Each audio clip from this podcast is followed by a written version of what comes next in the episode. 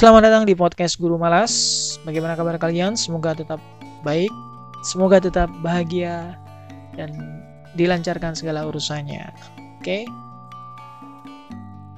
Sebagai seorang tenaga pengajar, sebagai seorang guru tentunya menjadi sebuah kebahagiaan tersendiri apabila murid-murid kita menjadi murid-murid yang sukses, bisa tetap lanjut sekolah, bisa tetap semangat mengejar ilmu, dan intinya tidak berhenti sekolah ya. Kita tahu bahwa ke depan persaingan dunia ini akan semakin ketat. Jadi kalau misalnya uh, seseorang tidak memiliki bekal yang cukup, nantinya akan tersisihkan. Nah, itu yang tidak kita harapkan.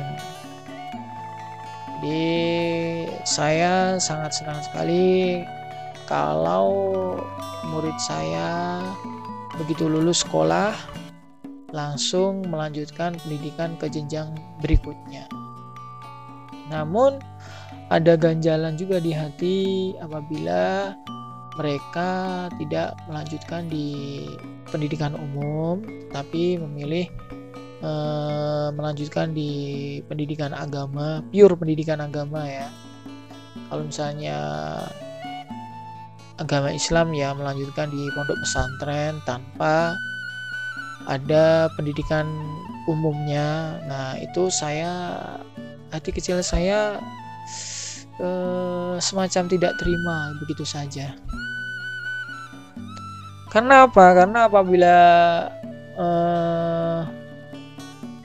anak itu pintar, anak itu memiliki kemampuan di atas rata-rata dari teman-temannya, tentunya sangat disayangkan sekali karena di usianya yang masuk jenjang SMP itu kemampuannya untuk berkembang lebih besar lagi itu sangat terbuka di sekolah umum dan sekolah agama.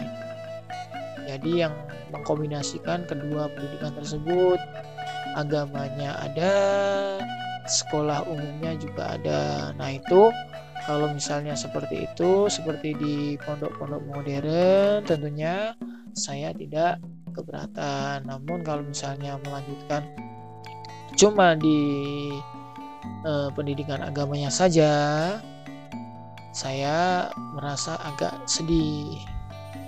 Tuh, entah kenapa. Namun setelah saya pikir-pikir lagi, eh, harusnya saya malu. Kenapa kok saya malu? Karena eh, pendidikan umum ya kita tahu bahwa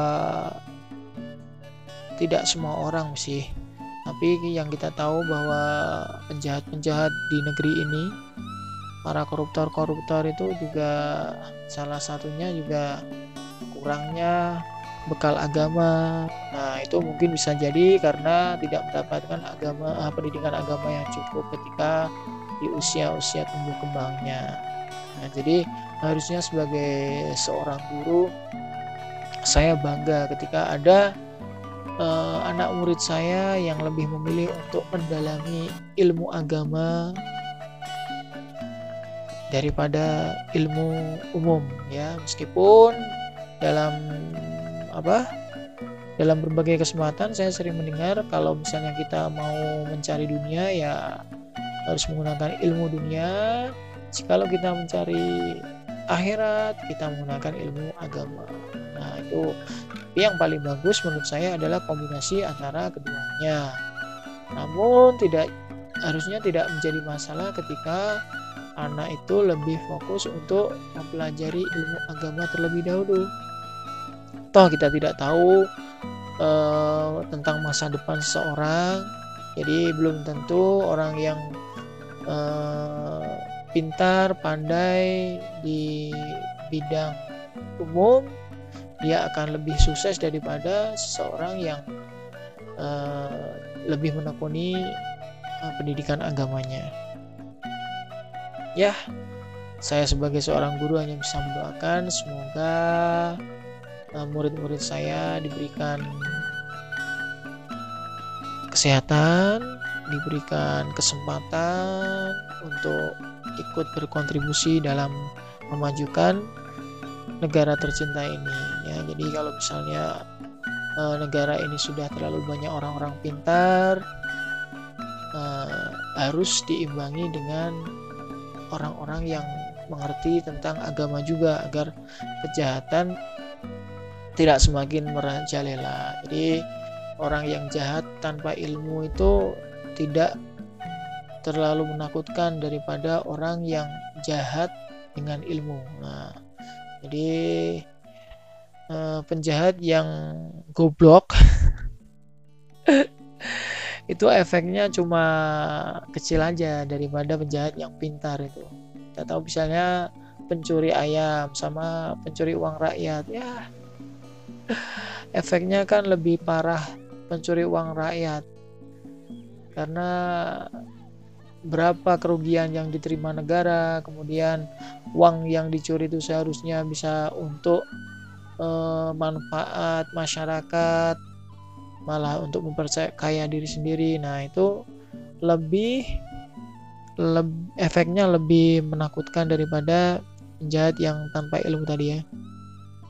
Ya, kita sebagai guru pun kita juga tidak boleh merasa pintar tidak boleh merasa yang paling tahu, tidak boleh merasa yang paling benar, karena guru sejati itu sejatinya tetap masih tetap harus belajar ya. Belajar dari mana saja entah belajar dari murid kita. Jadi semua guru semua murid ya. Semua murid semua guru. Itu prinsipnya. Jadi belum tentu kita lebih benar lebih tahu daripada siswa kita.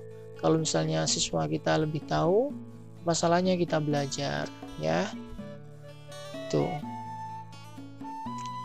jadi saya uh, sekali lagi minta maaf pada murid saya karena kemarin sudah bernegatif thinking harusnya saya malu dan terima kasih kepada uh, murid saya yang melanjutkan untuk lebih mendalami pendidikan agama terlebih dahulu ya. Tidak semua orang sekecil itu mau mencintai belajar pendidikan uh, kalian yang melanjutkan ke pondok, ke pesantren atau ke sekolah-sekolah agama yang lainnya itu juga paling tidak ikut melengkapi kesuksesan mereka ya. Jadi ketika kalian sukses nanti tetap kalian membumi jangan sampai sombong ya biasanya orang yang pintar itu lebih mudah untuk menjadi sombong daripada menjadi goblok ya jadi menjadi kalau kita uh, pintar kita berdoanya harusnya uh, ya uh, ya Allah Tuhan jadikanlah saya goblok setelah pintar Agar apa? Agar kita terhindar dari sikap sombong. Karena kalau misalnya kita banyak tahu, merasa lebih pintar, itu lebih cenderung untuk menjadi sombong. Nah, jadi menurut saya orang yang pintar itu adalah orang yang mau menjadi goblok setelah dia pintar ya. Intinya tidak merasa yang paling tahu tidak sok tahu. Bicara kalau misalnya ditanya saja ya. Itu orang pintar yang benar-benar pintar menurut saya. Jadi kalau misalnya ada orang-orang yang sedikit-sedikit nimbrung tidak tahu ilmunya ya uh, janganlah kita berharap kita tidak termasuk orang yang seperti itu ya. Kita komentari kita komentar apa yang kita tahu saja. Jadi sesuai ilmunya. Kalau misalnya saya sebagai seorang guru ya paling tidak kalau misalnya dimintai eh, atau ditanya mengenai masalah pendidikan sedikit banyak bisa menjawab meskipun tidak tahu ya. Itu pas karena bekerja dalam bidang pendidikan. Tapi kalau misalnya dimintai pendapat bagaimana mengelola negara aduh itu sudah ada yang berpikir sendiri ya. Kita serahkan pada politikus yang ada di istana sana yang ada di Senayan sana mereka tentunya lebih memikirkan ya kita sebagai rakyat kecil ya mendoakan saja semoga negara kita dikelola oleh orang-orang terbaik yang masih mempunyai hati nurani untuk memajukan masyarakat Indonesia. Sudah dulu, sambung lain waktu, tetap semangat dan assalamualaikum.